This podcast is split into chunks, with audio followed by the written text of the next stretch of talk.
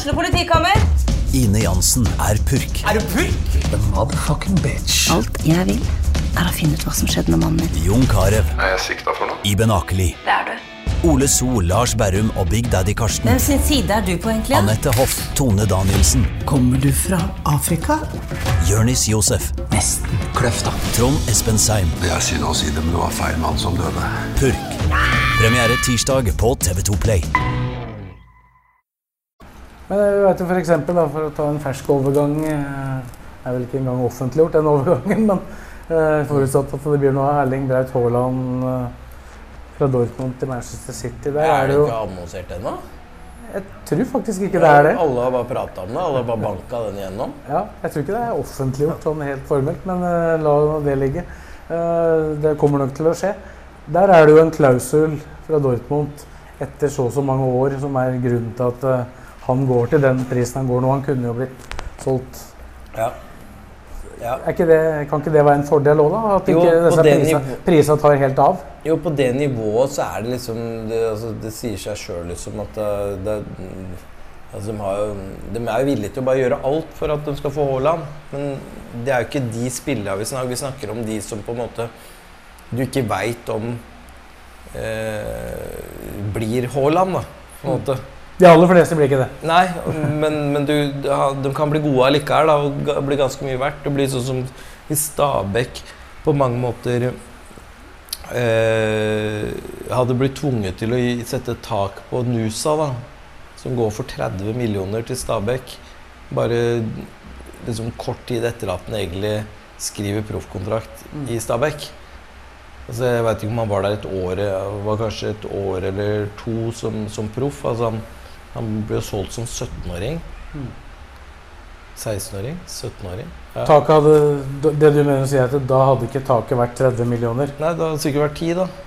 Det er det som er, ikke sant. At øh, du det, det er veldig vanskelig å forutse på de spillerne der.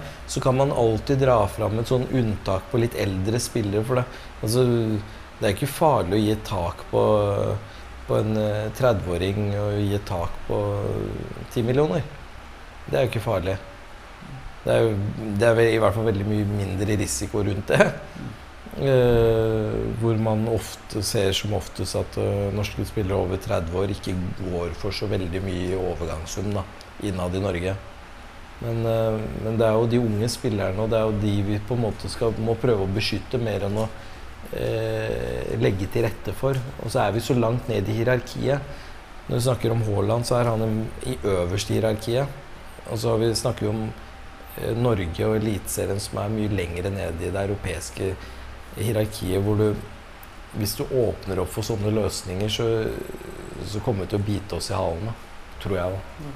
Over tid. Men betydningen av å ha en avtale, fortell litt. Hvordan er det for en klubb som Lillestrøm nå, f.eks.? Ja. Dere har spillere i tilknyttet akademiet deres.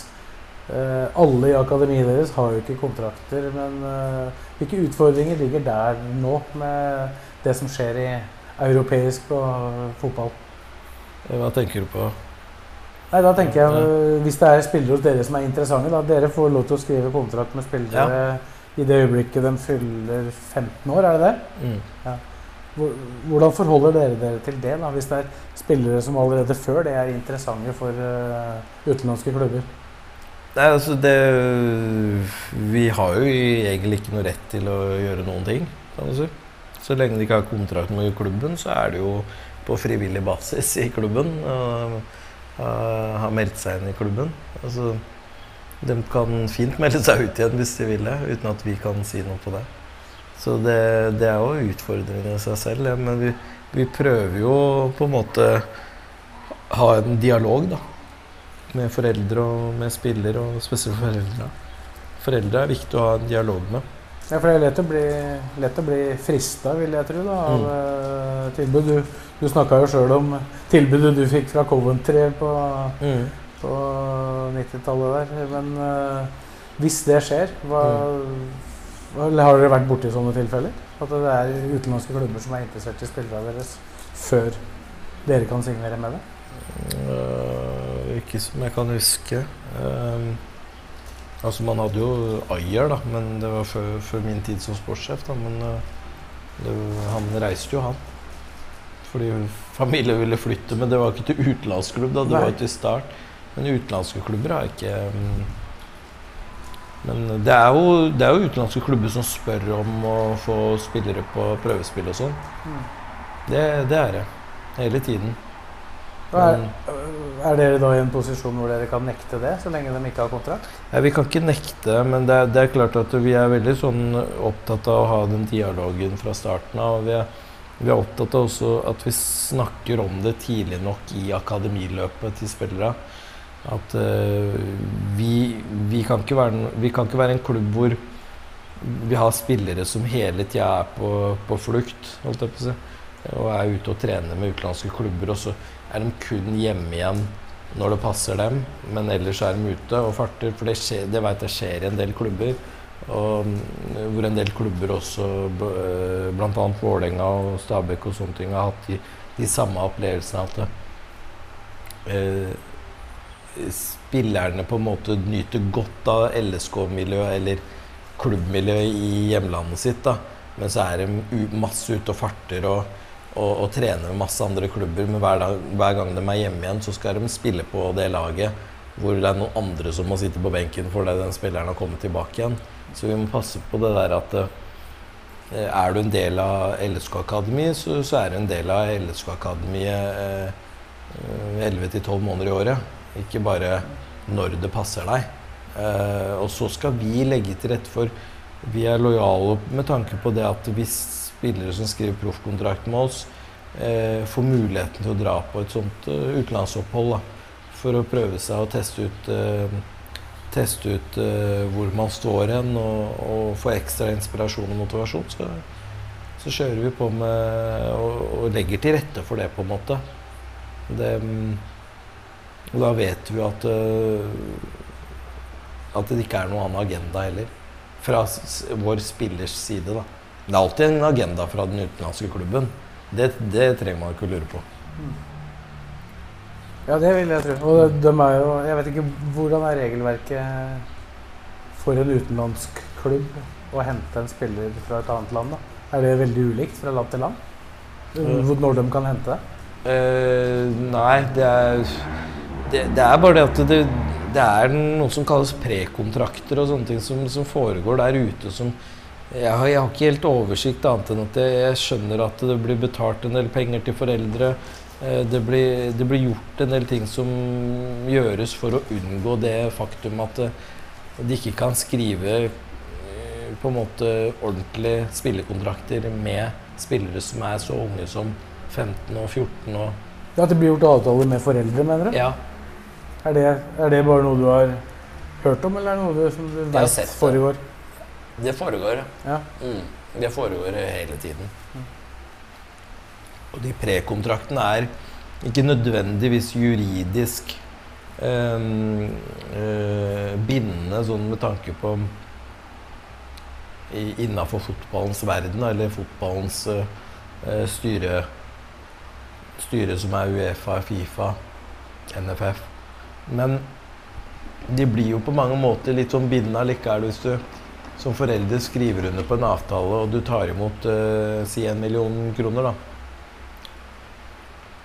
Og du bruker opp den millionen i tillegg, så, så føler du Altså, det, på en eller annen måte så, så skylder du den klubben. Og da, da blir det jo litt sånn at hvis den klubben har gjort dette her, og, og det også er greit at spilleren går dit, så, så kommer jo spilleren til å gå dit. Og da, når den er gammel nok, da, så skriver han under den kontrakten. Så du kan si at en prekontrakt er en form for ventekontrakt. da. Så Det inngås ikke med spilleren, men med foreldre som regel? Ja. eller? Ja. ja. Har det skjedd med spillere hos dere? Ikke som jeg veit om. Nei. Men det skjer, det skjer hele tiden. i Men det jo, du ser jo stadig at det dukker opp egentlig navn eh, på norske landslag som, med spillere som faktisk ikke spiller i norske klubber, da, som har, åpenbart har reist ut tidlig. Hvor, hvor utbredt er det at uh, unge norske talenter reiser ut til større klubber uh, i veldig ung alder? Uh, hvor stor forskjell Eller hvor, hvor vanlig er det at Ja. det skjer? Ja, det, det skjer mye oftere nå enn enn før. Altså, når jeg var yngre, så var det ikke Da, da var det veldig spesielt når det skjedde, da. Men uh, Ja, for da går de gjerne inn i akademiene i de, i de klubbene de Mm. er, da. mm. Det er, ikke, det er ikke sånt som har skjedd i LSK i, i din tid som sportssjef, at uh, noen har uh, forsvunnet ut. Nei, det mm, ikke foreløpig i hvert fall. Men det, det, men det har vært flere spillere og trent med de, de akademiklubbene. Eller akademiene til de klubbene. Det har det. Ullkisa hadde jo et uh, tilfelle i fjor hvor uh, Elias Solberg gikk fra Ullkisa til Juventus f.eks. Mm. Men da hadde jo han allerede kontrakt, så det var jo, Mm. var jo et salg for det. For, Ja. for, for hvor, hvor ødeleggende vil det være for et akademi som deres, da, hvis uh, spillere Det vil jo gjerne være de viktigste eller de største talentene som forsvinner på den måten. Hvor ødeleggende Ja. vil det være? Altså Hvis det skjer eh, en gang i ny og ne, så er det ikke så veldig ødeleggende. For det, det handler også om hvis, hvis vi har skrevet proffkontrakten, så blir det Ja, men jeg sier at det, Får du et veldrevent akademi, så er det noen som kommer til å bli så talentfulle at det blir solgt før de på en måte spiller en eneste A-kamp. Og så er det sånn at hvis det, skjer, hvis det skjer med hvert eneste av de beste talentene vi har, så er ikke det bra. Hvis det skjer i ny og ne, så er det ufarlig. For da er det alltid noen som kommer til å spille på A-laget også, som blir her i det lengre løp. Men jeg tror jo på en måte Skjer det i ny og ne, så er det også en annen, så må man også huske på at det er en anerkjennelse på at man er med å utvikle gode talenter, da. Og så er det litt sånn at det er ulik vei til rom. Det er noen som trenger det å gå den veien, og så er det noen som trenger å gå den andre veien. Den, som, den tradisjonelle veien, at du kommer opp på A-laget, og så spiller du der først, og så kommer du deg til utlandet etter Hvor, hvor er det de utenlandske klubba fanger opp disse spillerne? Da? Hvordan, kan du fortelle noe om hvordan det Gjennom, systemet ofte ligger? gjennom landskamper, eh, U-landskamper, at de blir speida der. Det, det kan man jo mene mye om, men det er, det er ikke så veldig Det er jo et fritt land, så de har jo frihet til å, å dra på offentlige arrangementer. Og man kan vel ikke lukke offentlige arrangementer, men det er sånn noen ganger at det blir litt sånn eh, ja, blir sånn irritert over at eh, du, man tillater at spil, altså, Man ønsker at spillere skal bli tatt ut på, på landslag. Man veit at det er inspirerende for spillerne, men det er, det er sånn at du egentlig liksom Du lager jo en uh, utstilling av talentene dine Ja, for det er jo da i den verste tida også, hvor flere av de ikke har profesjonelle kontrakter. da. F.eks. ikke er gamle nok til det. Ja, for det, hvordan fungerer det der nå? Er det fra hvilken alder Fra er det 15. de begynner å Ja, fra hvilken alder er det de begynner å ta ut uh, sånne talentsamlinger? Er 14. Første nasjonale samlinga er jo 14, ikke sant? Og i, i er Statoil Akademia. Så, mm, men vi har ikke lov til å skrive proffkontrakt med spillere før de er 15. Så det er ett år der som eh, utenlandske klubber da på en måte Hvis jeg forstår deg riktig, ligger et år i forkant, da. Mm. Hvordan, hvordan kunne NFF eh, klubba hindra det? Eh, altså, først og fremst så kunne man eh, En ting er liksom landskamper som er offentlige arrangementer. Jeg skjønner det er vanskelig å ha lukka landskamper og, og nekte enkelte innpass der, men på samling, altså når man har det med Statoil Akademi for 14-åringer, så, så skulle det bare mangle om man ikke hadde hatt en kontroll og, og, og sagt nei til utenlandske klubber som sender speiderne dit for å se på kamper. Eller se på eh, ja, treningskamper eh, som foregår i en internsamling. Da. For det, da spiller man ikke mot eh, Danmark eller Sverige eller Portugal. Da er det treninger og, og kamper internt eh, mellom landets fremste 14-åringer. Og så klarer man da å ha, la det stå åpent der for at eh, Ajax og FCK alle andre klubber i Europa eh, sender scoutene sine og slipper å reise rundt eh, Norge rundt for å se på talenter. Han kan bare dra på én turnering, så får han med seg alle talentene eh, som, eh, i alderen 14 år. Ja, Alternativet ville jo vært at de hadde reist Ja, rundt, da. ja, men det hadde tatt veldig mye mer tid, Mm. og det hadde vært mye mer krevende for dem, og da hadde man antakelig ikke fått den store oversikten. Så det er klart at jeg merker jo det at etter sånne samlinger så kommer det alltid noen henvendelser. Ja, på- på de spillerne som dere har. Ja. Ja, hvordan, hvordan opplever du det som klubbleder, da?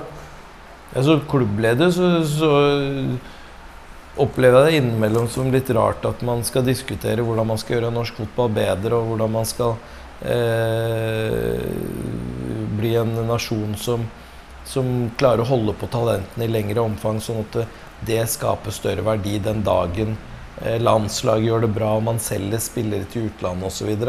Når man ikke klarer da å, å lage et et opplegg hvor man beskytter talentene før norske klubber har lov til å signere arbeidskontrakt med spilleren. Så, så da, da inviterer man jo på en måte gribbene til, til besøk, da. Og så er det vi som på en måte sitter der og må egentlig er bondefanga med vårt eget uh, lovverk. Så jeg syns det er helt greit at det er skjønner, har forståelse for at uh, man ikke kan signere en spiller før den er 15 år. Det er veldig enkelt å forholde seg til. Hvem er det som har lagd? Er det et er fotballregelverk, ja. Ja, så det er ikke et nasjonalt uh, hinder der? Nei, det vet jeg ikke noe om. Det er, altså, på profesjonelle spillekontrakter så står det i overgangsreglementet. Da. Men ville du da ønske at det i hvert fall vært mulig å signere når du var 14, eller ville, Ja, du, heller, var... eller ville du heller ha stengt, eh, stengt den type samlinger? Da? For fra 15 års alder så har dere mulighet til å signere dem. Ja, det hadde vært fint hvis du kunne signert dem fra 14, men samtidig så er det liksom å signere en Altså, det er For meg så blir det for ungt egentlig å tenke på at en spiller skal ha en profesjonell kontrakt når han er 14 år. Barn. Han må få lov til å være Han eller hun må få lov til å være et barn da. litt lenger før man på en måte eh, skal tenke på det. Og så syns jeg Én ting er den blir tatt ut på en nasjonal samling. Det er ikke sikkert at den to år seinere er så stort talent allikevel. Så liksom det å Hadde man på en måte fått lov Jo, jo, lenger, altså jo yngre de er når man skriver kontrakt med dem, jo mer press blir det på at man må gjøre det òg, ikke sant? Så sånn sett så er det greit at det er 15-årsgrense på det, men, men at uh, NFF øh, på en måte tar, tar mer tak i de 14-årssamlingene, at vi, vi faktisk får anledning til å mm, vurdere hvem vi skal skrive proffkontrakt med før vi Og få lov til det, ikke minst. Ja, for, Før de blir tatt av noen andre. for 14 år er tidlig for en ung gutt eller jente, men det er vel tidlig for en klubb å vurdere en 14-åring òg, kanskje? Jeg vet ikke hvordan du vurderer det. Eh, For en utenlandsklubb. Nei, for, for en norsk klubb også. Ja, ja. Det er jo det. Men eh, de utenlandsklubbene, de, de er det er posisjonering i markedet hele tida. Det er jo ren kynisme. Eh, det, er på hvilken måte da? Det er jo ingen tanke Det er jo ren businesstanke hele veien. Det, det er ingen det, det er ingen tanke om at de De tenker at de gjør livet til disse unge spillerne noe bedre. For de, de har jo de, de, er hele tiden, de er hele tida en konkurranse med andre eh, utenlandske klubber igjen. Og eh, jeg tenker at eh, det hadde antageligvis noen sagt om oss hvis vi hadde vært borte i Nederland og krafsa på masse talenter som er 14 år, for å prøve å få dem til Norge. Eh, eller påvirke de til å gå til Norge så fort de blir 16 år. Fordi mm,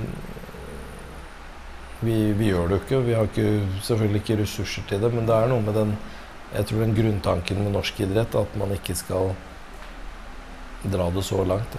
Kan, kan det sammenlignes med det som har vært vanlig i norsk fotball tidligere også? At, du, at de store klubba som Lillestrøm da, henter de lokale talentene fra de små klubba. Ikke for å gi kontrakter, men at det er så attraktivt at spillere kommer. Eh, Kan, kan det sammenlignes? Den settingen? Jeg veit ikke, altså. Altså Hvis Lillestrøm henter en fra Rælingen eller Leirsjøen eller ja. Skedsmokorset, da. Det, blir det litt det samme hvis, hvis det skjedde da da sånn, i, ja, lav, i lav alder? Nei, for, det første så skal må ikke uh, unggutten flytte, da. Og på en eller annen måte så må det være litt sånn at uh, nå, gjør, nå, nå er det ikke meninga at vi skal drive og hente uh, 13- og 14-åringer heller, men, men på et Det har vært det tidspunkt tidligere. hent- Ja, men på et tidspunkt så henter jo vi 15-åringer. Uh, og under det så hospiterer de oss også. Det, det er jo lokalområdet vårt. Det skulle nesten bare mangle. Men eh, når jeg tenker på, mm, på, på dette her med større klubber som går på altså det, det, Når utenlandske klubber eh, går på norske talenter som er 14 år, så, så mener jeg det, det, det blir for gærent. da. Det er, det er snakk om å ta spillere ut av, av miljøet sitt, og, og i utgangspunktet også et sterkt ønske da med de beste om å hente dem ut av, eh, av eh, skole og, og hverdagslivet her i Norge og putte dem inn i et akademi når de er 16 år. Det er ikke for alle. Det er for svært få. du, du kalte det kynisme på hvilken måte er det du mener at det er det? Eh, De er jo kyniske på den måten at det, det, al- alt er i en businesstanke. Altså, hvis de tror hvis, eh, Eller jeg skal, jeg skal like å høre eh, Premier League-klubbene eh, eller noen av de nederlandske klubbene som er veldig aktive, eh, si at eh, de tenker på spillerens ve og vel når de skal flytte den fra Norge til, til et annet land når den er 16 år og skriver kontrakt med, med foreldra. Men igjen, da. Det, jeg sier ikke at det er dårlig for alle unger. Men det, det er dårlig for en del. Og jeg tror det er dårlig for flere enn det det er bra for. For det er ikke for alle å reise eh, til et annet land og bo for seg sjøl når du er 15-16 16 år. Det er ikke for alle. Ja, du merka det jo sjøl. Ja. Du var 15-16 år da du var Ja. i Coventry. Hvordan, Ja. hvordan var det, liksom? Eh, Sånn hvis du ser bort fra det som skjedde på banen? Nei, det, det, det er som jeg var innom, at det er, det er knallhardt. Og, og så er det forskjell fra klubb til klubb og sånne ting, så jeg kan ikke snakke for alle klubber. Og, dette her er jo 15-20, altså 20 25-30 år siden, ikke sant? Det, det begynner å bli en stund siden, så ting har forandra seg også i England. Men jeg tror på mange måter at man må man, man er nødt til å reflektere litt over øh, at det ikke er Det er ikke for alle. Øh, det har jo vært litt sånn inn i tiden dette her med private akademier og hva man, hva man skal bruke, hva foreldre skal øh, Eller hva slags ambisjoner foreldre har da, overfor ungene sine og sånne ting. Men da snakker vi om aktivitet som skjer innafor landegrensene. Nå snakker jeg om aktivitet som skjer utafor landegrensene. At du skal ta en 15-åring, en 16-åring, og så putte den inn i et uh, akademi i, øh, i utlandet. Og så skal han uh, hva- Hva skjer med vennene? Hva skjer, skjer med skolegang? Hva skjer med familien? Ja, det er um, de, altså, de, er, gjør- De gjør det ikke bare med norsk ungdom, de gjør det med ungdom fra hele verden. Men litt annet fokus da, hvis, du, hvis det er en søramerikaner som uh, på en måte ønsker seg ut, da. Ikke sant? Det er uh, hvor, hvor familien liksom, Det er det eneste håpet til familien. At den skal lykkes med fotball. Det har blitt litt annet fokus. Ja, det er en annen, Ja. annen agenda. Ja, ja, ikke sant. Så. Men, men dere henter ikke unge spillere fra utlandet før de fyller 18, da? Eh, De afrikanske dere henter, det er først eh, Ja, det er ikke lov 18. å hente før de er 18. Ikke-EU-spillere er jo ikke lov til å hente før de er 18. Og, men vi har dem på prøvespill, og det er lov å, Mm. å ha dem på prøvespill. Mm. Hvordan fungerer det da? For det blir jo litt den samme settingen, men samtidig en som kommer fra en familie som, og et eh, land hvor kanskje det er noe de drømmer om da, å gjøre. Mm. Føler du at det er et annet fokus enn å hente en, eh, en ung nordmann ut så tidlig som vi snakker om her? Ja, så For det første så en, en eh, nigerianer hvis hvis man drar ned dit, så ser man jo hvorfor det er så viktig for uh, f.eks. nigerianske spillere å komme seg ut. Og hvis du kan hjelpe eh, noen med å komme seg ut av det og sørge for at familiene får råd til å eh, ha husly og mat på bordet, eh, så, så er det jo verdt det. Så, så for oss er, ser jeg på det som en eh, ikke bare en selvfølgelig en, et businessperspektiv på å rekruttere spillere, eh, utvikle spillere og selge spillere, men det er et menneskelig perspektiv der også, som, går helt på, eh, på linje med, med det businessorienterte. Mm. Det, det menneskelige perspektivet er veldig viktig i så måte. Ja. Du har jo sett på nært hold uh, unge afrikanere som har vært i Lillestrøm f.eks., som har et veldig fokus på det som også da skjer hjemme. Hvor, hvor, stor, del, hvor stor andel av lønna si kan i tilfeller dreie seg om at de faktisk eh, sender hjem? Det, det kan være mye eh, perioder, det. Og det, det ligger bare liksom i det, det Det kjennes naturlig ut for dem helt sikkert at uh, det å Får du tilslag på mer penger, så må du dele med familien. Mm. Ja. men, det, men, det, er på en måte naturlige naturlig ting for dem? Det er, det er egentlig. Forstår jeg riktig at det er på en måte derfor de drar? Ja. Det er jo det. Det er, det er den måten man uh, kan sørge for å sikre familien. da. Mm. Nå har vi jo spora litt av uh, din vei til å bli sportssjef, men uh, vi har tid til å spore, Simon? Ja da. Det, det, skal vi ha tid til. Det, det, det er, eh, er noe, noe, tid igjen. Men uh, tilbake til den perioden på slutten av Torgeir Bjarmanns tid som sportssjef. da. Hvor klar var du på at du skulle overta den jobben når den, først, den muligheten dukka opp? Jeg, jeg var ikke sånn veldig altså Tidlig, som jeg sa, så hadde jeg ikke noen sånn klare noen sånn tydelig ambisjon om å bli sportssjef. Men det, det, vokste jo liksom etter hvert. Så når, når Torgeir sa at han Eller sa opp stillingen sin, så, så var jeg følte jeg meg klar. Hvis jeg skulle bli spurt, selvfølgelig. Hvor mange år var det du var eh, assistent for? Fra, fra du kom inn som mediekoordinator via 20% altså, opp til 100? Jeg, var ansatt, jeg har vært ansatt i LSK siden 20, starten av 2011. Ja. Mm.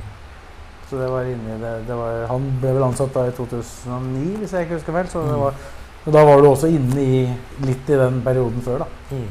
Var, var, det da du ansatt 20 eller? Ja, det var da fra 2011 og så ja. fram til ja, 2017, da. Ja. Men eh, da var du klar Og da hadde du på en måte en, eh, en klar tanke om at dette var noe du kunne tenke deg å drive med på, på heltid? Ja, eller eh, Ja, og det, det da, da hadde jeg jo liksom da var jeg klar, på en måte. Altså, jeg, jeg, tenkte vel på det litt før det, på en måte. At det her er noe jeg kan tenke meg. Men jeg tenkte ikke at jeg var klar før jeg var klar. På en måte, for man, man skal være ganske ydmyk til at det, det er ikke noe Det er ikke noe sånn liten jolle du tar over, liksom. Eh, ansvaret for. Det er, det er svært tankskip, og det, det er ikke noe da skal man være ganske ydmyk til å liksom si at ja, dette her er noe jeg kan tenke meg eh, tenke meg om å gjøre. Men er, noe, er, du klar for å gjøre det? Det er noe helt annet. Mm. Og, det, og, det, å få være klar for å gjøre det, det, det trengte jeg litt tid til å, å komme fram til. Men det var jeg klar for når jeg ble spurt. Hvorfor kom du fram til en konklusjon, tror du? Eller hvilke runder gikk du? Nei, det er Det er jo på en måte gjennom at du jobber med det, og du, du får dine erfaringer, og så, og så, føler du at du liksom bare begynner å, Det er vanskelig å forklare noe mer enn det, egentlig. At du, du føler deg klar når du er klar, på en måte. Så da, Det handler vel om mestringsfølelse og om eh, tilliten man opplever, og en kombinasjon av veldig mye, da. Ja, og ved å ha jobba som assistent i så mange år, så følte du da at du på en måte hadde uh, den fulle og hele oversikten over hva jobben innebar. Mm. Så var ikke noe, du var ikke noe redd for at du ikke skulle fikse den sånn sett. Nei, det, det er klart at jeg, jeg tror jeg visste om kan si, Altså, jeg visste om det meste sånn at det Ikke at jeg kunne det meste, men jeg bare visste om det meste, som gjør at du liksom ikke skal bli overraska over ting som dukker opp lenger. Men, eh, men eh, det er jo fortsatt eh, sånn at jeg det innimellom dukker opp ting som jeg som overrasker deg likevel. Men du, du, du får i hvert fall Du følte deg tryggere på at du hadde en plattform å stå på da, som var solid. Men eh, du kunne ha vært eh, tapt, i hvert fall eh, på et tidligere tidspunkt, for Lillestrøm. Jeg vet ikke om vi har skrevet om det, men det har vi vel kanskje. Men du var jo i, ikke Om du var i forhandlinger, vet jeg ikke, men hvis jeg ikke husker feil, så var du i samtaler med Fredrikstad om en tilsvarende jobb i Fredrikstad? Ja, På et litt tidligere tidspunkt? det stemmer. Hvor nært var det? At det blei noe av? Det var året før det, tror jeg. jeg hvor jeg orienterte klubben om at jeg, jeg hadde fått en henvendelse om om et møte med, med Fredrikstad om, fordi de skulle opprette en uh, sportslederstilling som de ikke hadde hatt på flere år da, fordi de måtte spare penger. og De hadde nok kutta en del roller, og det var en av de rollene de hadde kutta. da. Og så var det mye Var det jo en del ja, jamring da, i, i Fredrikstad-omgivelsene på liksom at klubben hadde litt stått Rykka ned til nivå tre og stått litt sånn på stedet hvil der og ønska å bygge klubb igjen. Og dette, dette her var jo i forbindelse med at de ikke hadde noen daglig leder heller, så Joakim Heie ble jo daglig leder etter hvert. Men det endte jo med at Eller det kort fortalt så endte jo dette med at de, de ikke oppretta noen stilling. Eh, fordi investoren ville bruke alle penga på spillere. Ok. Ja. Så du fikk aldri noe konkret tilbud om eh, Nei, vi, vi, vi kom ganske dypt inn i samtalen om materien, men det var jo Vi kom aldri til bordet på noen øh, forhandlinger, sånn konkrete forhandlinger. Og um, det var så vidt greit, det. Ja, da gikk det et, da gikk det ett år, og så Mm. Fikk du jobben, eh, topp, Mm. toppsjefjobben i Lillestrøm isteden. Mm. Var, du, var det andre klubber som var på, var på banen i, i perioden eh, mens du var assistent? da? Nei, det var ikke sånn direkte med Ikke direkte med at det var, eh, var klubber som tok kontakt, men det var jo noen sånne lokalmedier som innimellom eh, ringte meg og, og lurte på For de hadde hørt og sånne ting. Men eh, det kom liksom ikke til Det var ikke like konkret som det som skjedde med Fredrikstad. Ja. Hvis jeg har forstått riktig, og du har fortalt noen ganger, så har du ofte, ofte vært i samtaler med folk i tilsvarende posisjoner i andre klubber. Hvor, hvor viktig har det vært for eh, at du har kommet dit du er i dag, eh, med tanke på kontaktnett osv.? Jo, det har jo en del å si, tror jeg, med tanke på um, Også få et innblikk i liksom, hvordan hverdagen til andre eh, kollegaer i konkurrer si, konkurrerende bedrifter har det da, og gjør det og, og opplever det. Eh, det tenker jeg er viktig eh, Viktig å få et innblikk i. da. Og det, og det er jo litt mer sånn lukka hvis man ikke er Hvis man ikke har en relasjon. altså En relasjon må man på en måte bygge opp over tid. Ellers så For det er, er flere klubber på kryss og tvers som ikke prater så mye sammen. Og klubbledere som ikke prater så mye sammen. Sånn er det bare. Det, det går på personkjemi, og så går det litt på eh, Litt sånn på hvordan klubbene er glad i hverandre eller ikke, osv. Men eh, Hvem er, hvem er det du har snakka mest med, da? Kan du si noe om det? Ja, det kan være alt fra øh, folk i Vålerenga til folk i Brann til folk i i til... teori, så øh, man Men øh, det er ikke alle man deler Øh, altså, Det er jo ikke sensitiv informasjon man alltid deler, kan du si. Det, det er mer at man, man deler eh, erfaringer om gitte situasjoner eller ting som vi felles skal jobbe med eh, inn mot eh, norsk toppfotball. Og um, ulike strategiene i toppfotball da, som er viktige. Altså, sånn som f.eks. dette her med eh, kutte antall lag i ligaen, sluttspill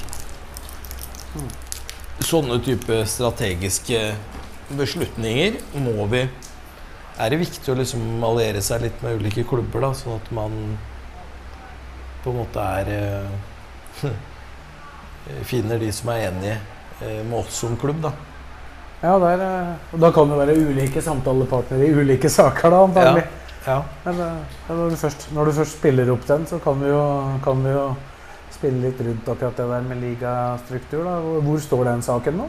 Mm. Hvor står den ligastruktursaken akkurat for øyeblikket i, ja, i norsk toppfotball? Mm, Akkurat nå er veit jeg ikke hvor den står. hen. Nei, for det, er ble jo lagt dødt her for noen år siden, og så har det jo på en måte dukka litt opp igjen, har jeg en følelse av. Hvordan opplever du det? Jo, Jeg opplever at den dukker opp sånn eh, annethvert år, tredje hvert år. Sånn plutselig. Og jeg skjønner ikke hvorfor. For det er, jeg opplever ikke at det er så fryktelig mange mennesker i eh, vårt ganske land som eh, har lyst til å lage noe playoff-variant av noe seriespill. Ja, du opplever ikke, det er ikke De klubbledere du snakker med, er ikke der? Nei. Jeg, jeg opplever ikke det som noe sånn veldig pressende behov for å, for å endre på den ligastrukturen, men det er det er, noen, det er noen som ønsker å på en eller annen måte få gjennom dette her. Som jeg, ikke, jeg forstår ikke hvem det er, og jeg forstår ikke eh, hvorfor. Eh, men det blir ofte lagt fram som at man skal ja, Hva skal jeg si? Eh, utrede noe.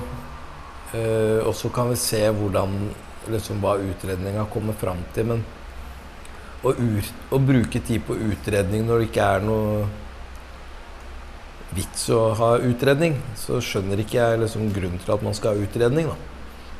Nei. Men er, er argumentene til de som vil ha det, er vel flere spennende kamper? Er det det som har vært eh, fremme noen ganger, eller Ja.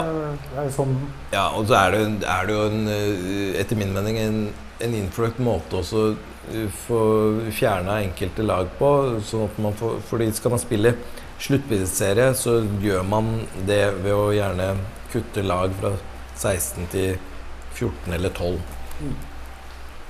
For det er klart, sluttspillserie med 16 lag, det blir for mye igjen. Um, Hva er og- og motivasjonen for at det skal være færre lag? Hæ? Hva er motivasjonen for at det skal være færre lag, for de som mener Ja, det? er at uh, mediepengene blir fordelt på færre lag. Uh, de, de, de beste i hermetegn, for nå må jeg bruke hermetegn. For det er jo ikke de, de beste, men de, det sies at de beste da skal spille mot de beste. Men uh, så jevn som Eliteserien er, så kan man ikke si at de tolv beste ett år er nødvendigvis de tolv beste det neste året. Det, men det kommer til å bli sånn, selvfølgelig. Fordi det blir mi mindre penger på, på resten under de tolv. Og så blir det mer penger på de tolv. Ja, du mener hvis, det blir, hvis, det, hvis Ja. det blir innført, så blir ja, det sånn? Ja. Men uh, det der skal ikke bli innført. Jeg, jeg skjønner jo hvor dere står, men du kan jo, kan jo beskrive hvor, eller si noe om hvor, hva LSK mener her. Ja, vi- er jo selvfølgelig ikke for noe sluttspillmodell, og vi ønsker ikke, vi ønsker ikke å, å, at det skal gjøres noen endringer. Vi føler at uh, Eliteserien sånn den går nå, eh, er sånn den bør stå. Det, det er ikke fordi vi ikke er for endringer, men uh, å, å endre noe som uh, med, med basis i at man tror at norsk fotball blir bedre. Det er jo ingen eh, Og da bruker Danmark eller eh, Sveits eller hva søren som, som argumentasjon, det er, det er ikke det er ikke dokumentert at norsk fotball blir bedre, og det, det får vi ikke fasiten på før vi eventuelt prøver. da. Men eh, hvorfor skal vi prøve på det når vi også ser utviklinga til norsk fotball den dag i dag? Den har jo gått framover. Den har jo det. Og landslaget gjør det bedre. Og, og eh, Bodø-Glimt har gjort det fantastisk ute i Europa. Um, det er um, det er, ikke sånn, det er ikke sånn at vi er på For å sette det litt på spissen, det er vel ikke sikkert Bodø-Glimt hadde vært i Eliteserien hvis det hadde blitt innført forrige gang. Nei, nei. Det er, lett, det er nettopp det. Så der, så der står eh, LSK ganske større. Det er ikke noe, det er ikke noe uenigheter om den internt, da, hvis jeg forstår deg riktig? Nei, det er ikke det. Det er det ikke. Så det er ikke, det er ikke der slagene skal stå framover eh, internt. Nei. Men uh, sportssjef, det, det blei du da til slutt, eh, etter å ha tenkt deg om. Hvor mye måtte du rådføre deg med samboer og, og sånn for å ta det steget? Du hadde vel sett hvor mye tid Ja. du brukte i den jobben du allerede var i? Ja, det, det er klart at det, Uh, hun, var, hun, hun er støttende, og hun var støttende da også. Det, det var på en måte Vi prata jo om det, men vi prata kanskje litt om det under, underveis. Sånn at når det dukka opp, så var det liksom ikke noen Det var ikke noen sånn kjempediskusjon rundt det. Det, det jeg tenkte mest på, var at du, du er nødt til å Du er nødt til å tenke på mm, at du bor i byen her, da. At eh, det er som jeg sa i stad, det er ikke noen liten jollemann liksom eh, tar over. Det er, det er et eh, svært tankskip med eh, masse meninger og, og masse sterke krefter i positiv forstand, men også mange negative krefter da, som, som ligger der og vaker. da. Eh, som vi har fått eh, kjenne litt på de seneste årene. Så det er Var det, var det noe du på en måte hadde med i vurderinga når du skulle bestemme deg? Ja. Så sånn eh, Spørsmål én er du klar? Ja. Men spørsmål to er orker du det? Tja.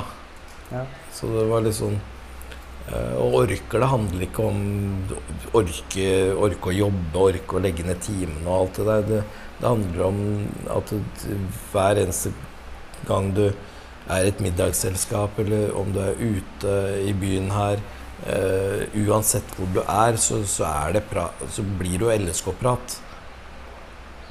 Ja, det er, er det vanskelig å unngå det for deg nå, spesielt? Jeg, jeg, jeg husker jo ikke lenger hvordan det er å på en måte være, være meg. Altså bare meg. Altså at det, det Men det, det altså, nå, nå er det veldig viktig å få fram at dette her er ikke klaging. Dette er jo ikke klaging på en situasjon som du har påført deg sjøl. Da, da er du rimelig dum hvis du klager på det. Men, men eh, det er bare å liksom For å få fram bildet om at um, du, du har jo på en måte den at det uansett Altså smalltalken til folk Jeg tror det bare handler om at det, det er så lett å bare ende opp i LSK-prat. Og den, den eh, er bare hyggelig, den. Så det er ikke noe negativt med det, men det kan bli litt sånn slitsomt over tid. Og så er det det at eh, de periodene vi har vært gjennom, som har vært noe av de kjipeste periodene til LSK, da, sånn historisk sett også eh, det, det hadde vært en fordel å ikke bo, bo i byen her og, og oppholde seg i byen her i de periodene. Ja, hva gjør du da i de periodene?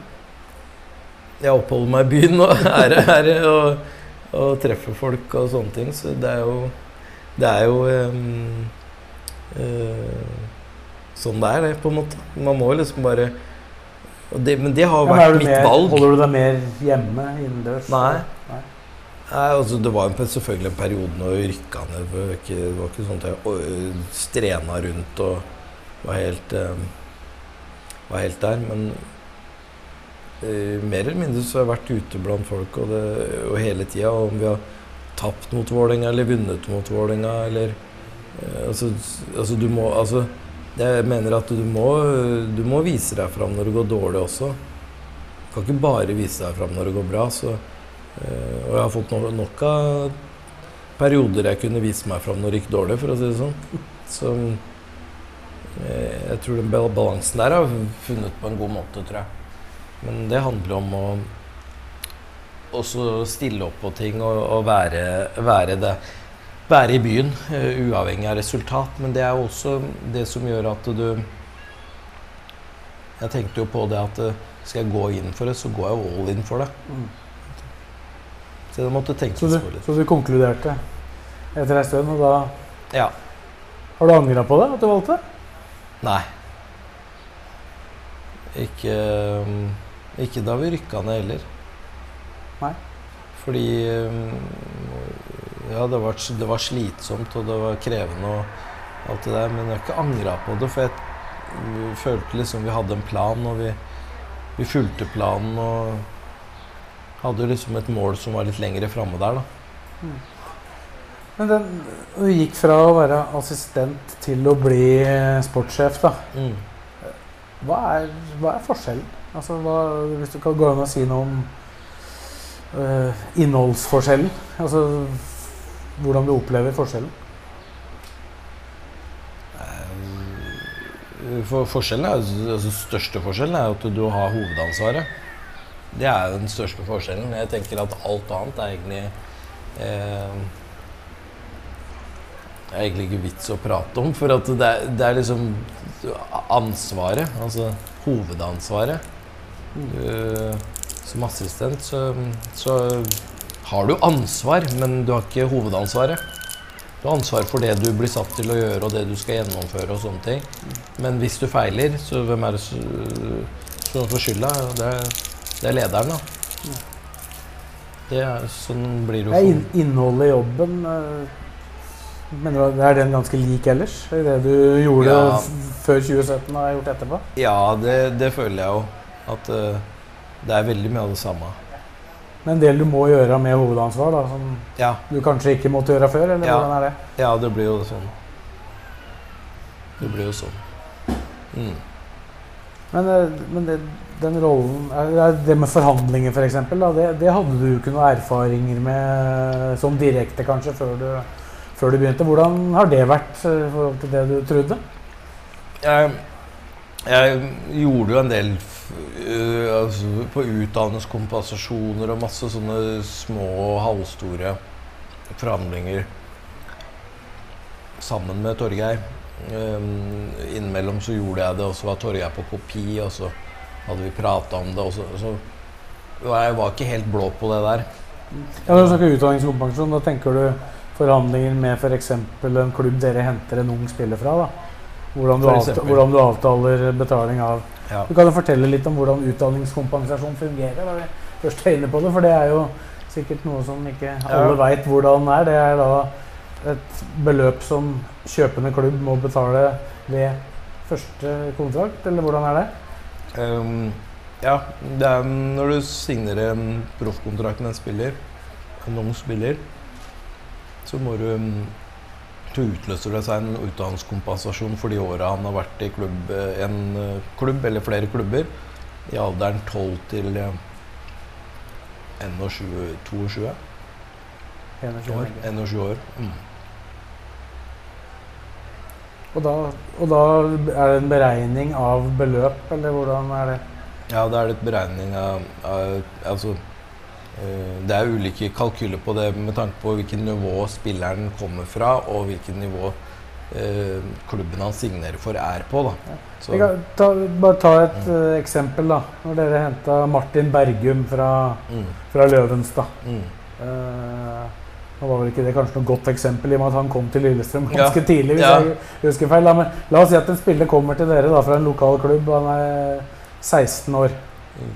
Hva, hva gjør dere da? Eh, Så vil Da- dere signere han? ja, da, da må vi ta kontakt med klubben der, og så, og så informerer vi om at vi signerer proffkontrakt. Dere er berettiga til utdanningskompensasjon. og så beregner vi det beløpet på utdannelseskompensasjonen. Og da får den klubben, da, hvis han er 16 år, da får den et beløp for Ja, det, for de det første Er det standard, eller er Ja, det det, stand, det er standard 10 000 i året mellom 10 og 15 år. Men fra 16. året så er det en gjennomsnittsberegning på øh, det nivået spilleren kommer fra.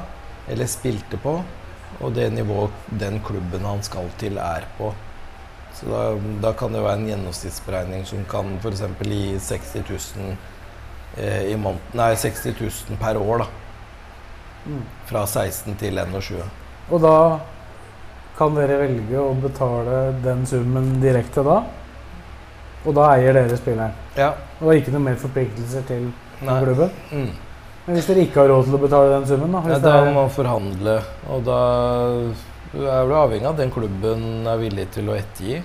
Men øh, hvis, hvis de er villige til det, så vil de kanskje ha videresalgsprosent eller noen andre rettigheter. Da.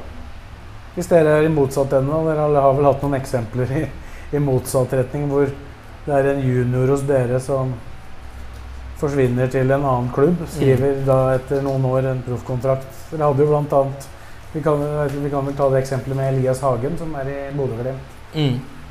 Han fikk ikke kontrakt i LSK, dro til Grorud, spilte der, så til Bodø-Glimt. Mm.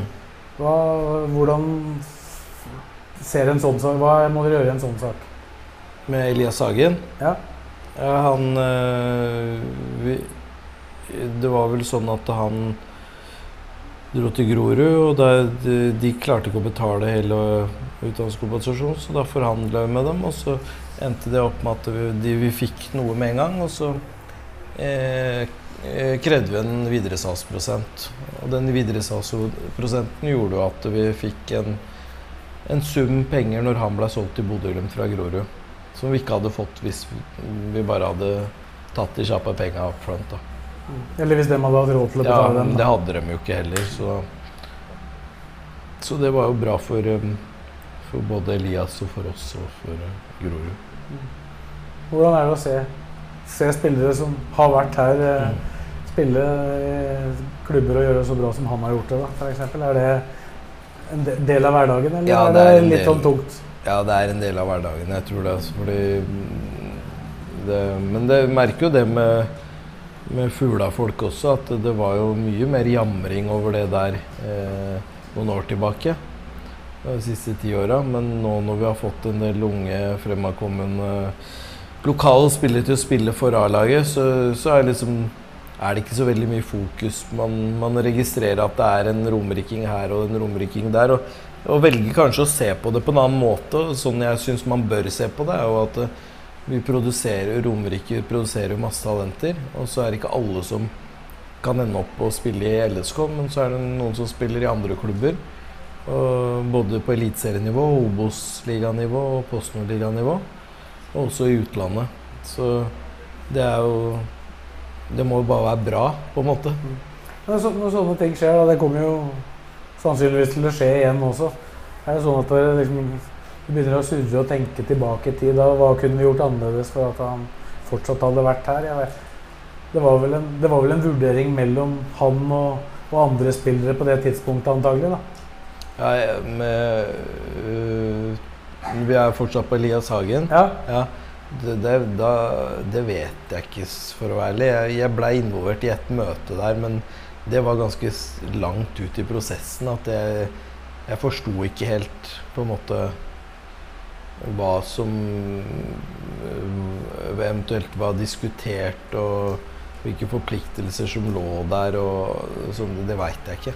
Ja, Var det, var det før du ble sportssjef, eller var det for at Ja, ja, det, det var Ja, det tror jeg. Og hvis ikke, så, så rei... Altså, det var ikke mens jeg var sportssjef, det er jeg helt sikker på. For at jeg Jeg, jeg skjønte ikke helt hva som uh, Altså, det, han var første og junior, Mm. så det var liksom Hvorfor man ønsker å gå til til Grorud, Grorud det, det, må på en måte han Men det, det, det var Og, sånn, og sånne situasjoner, hvor ofte, hvor ofte er dere oppe i sånne vurderinger hvor, hvor det på en måte er noen som velger å gå? Jeg vet ikke om, hvor, I hvilken grad er du involvert i det på juniorlaget? For eksempel? Hæ? I hvilken grad er du involvert på juniorlaget når det er spillere der eh, som ønsker å gå andre steder? jeg er jo involvert i Jeg, jeg veit hva som foregår, og det, det, det, er jo, det må jeg på en måte, for jeg må vite Det er jo derfor jeg, sånn som Elias Hage, så var jeg ikke involvert, så det er liksom vanskelig for meg å eh, Jeg var med på ett møte. Eh, jeg jeg, jeg veit ikke helt hva det gikk i da, på en måte. Eh, annet enn at jeg skjønte at det var en spiller som eh, ville trene med A-laget, men, eh, men var førsteårs junior. Og var, var, så vidt jeg kan huske, var ikke fast på juniorlaget engang. Så det blei litt sånn Mer veit jeg ikke. Hvor, vans hvor vanskelig er det å på en måte velge ut Nå har du ikke så mange års erfaring med det, men det å velge ut på, i den aldersgruppa hvem som skal klare å ta det steget, det er jo en sånn prøve og feile-modell der, vil jeg tro. Det er, Hva er det det du ser etter? Jeg tror man, man ser jo etter ferdigheter og, og sånne type ting, men så tror jeg liksom at man, man har jo erkjent eh, sånn i fotballen og i dette med selektering av talent og sånn at det, det handler veldig mye om mentalitet. Det handler kanskje mye mer om mentalitet enn det man har trodd. Eh, Det å, det å orke å stå i det, det å orke å eh, tåle press, det å eh, presse grenser og liksom For, for det er klart at hvis du, hvis du har et talent, så, så er jo det fint, det å kan eh, treffe ballen eller hvor man vil og sånne type ting. Men klarer du å gjøre det under press, på en måte? Klarer du å gjøre det eh, når du må, når du virkelig må? Det er jo en Da kommer det noen eh, ferdighetsnivåer som gjør at du, liksom, du må opp på et nivå som, hvor, hvor du spiller inn det med mentalitet. Da.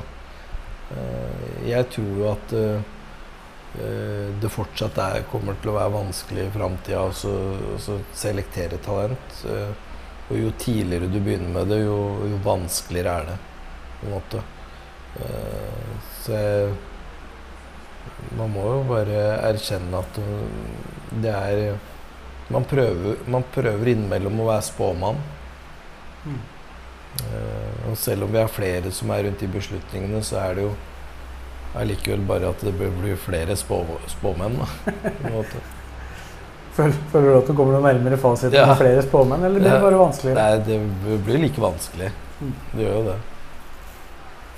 Det, med tanke på at dere satser på, såpass mye på et akademi som dere gjør, da, så vil dere få bedre spillere. Hvordan det, gjør det denne jobben enda vanskeligere med å velge? Hva sa du?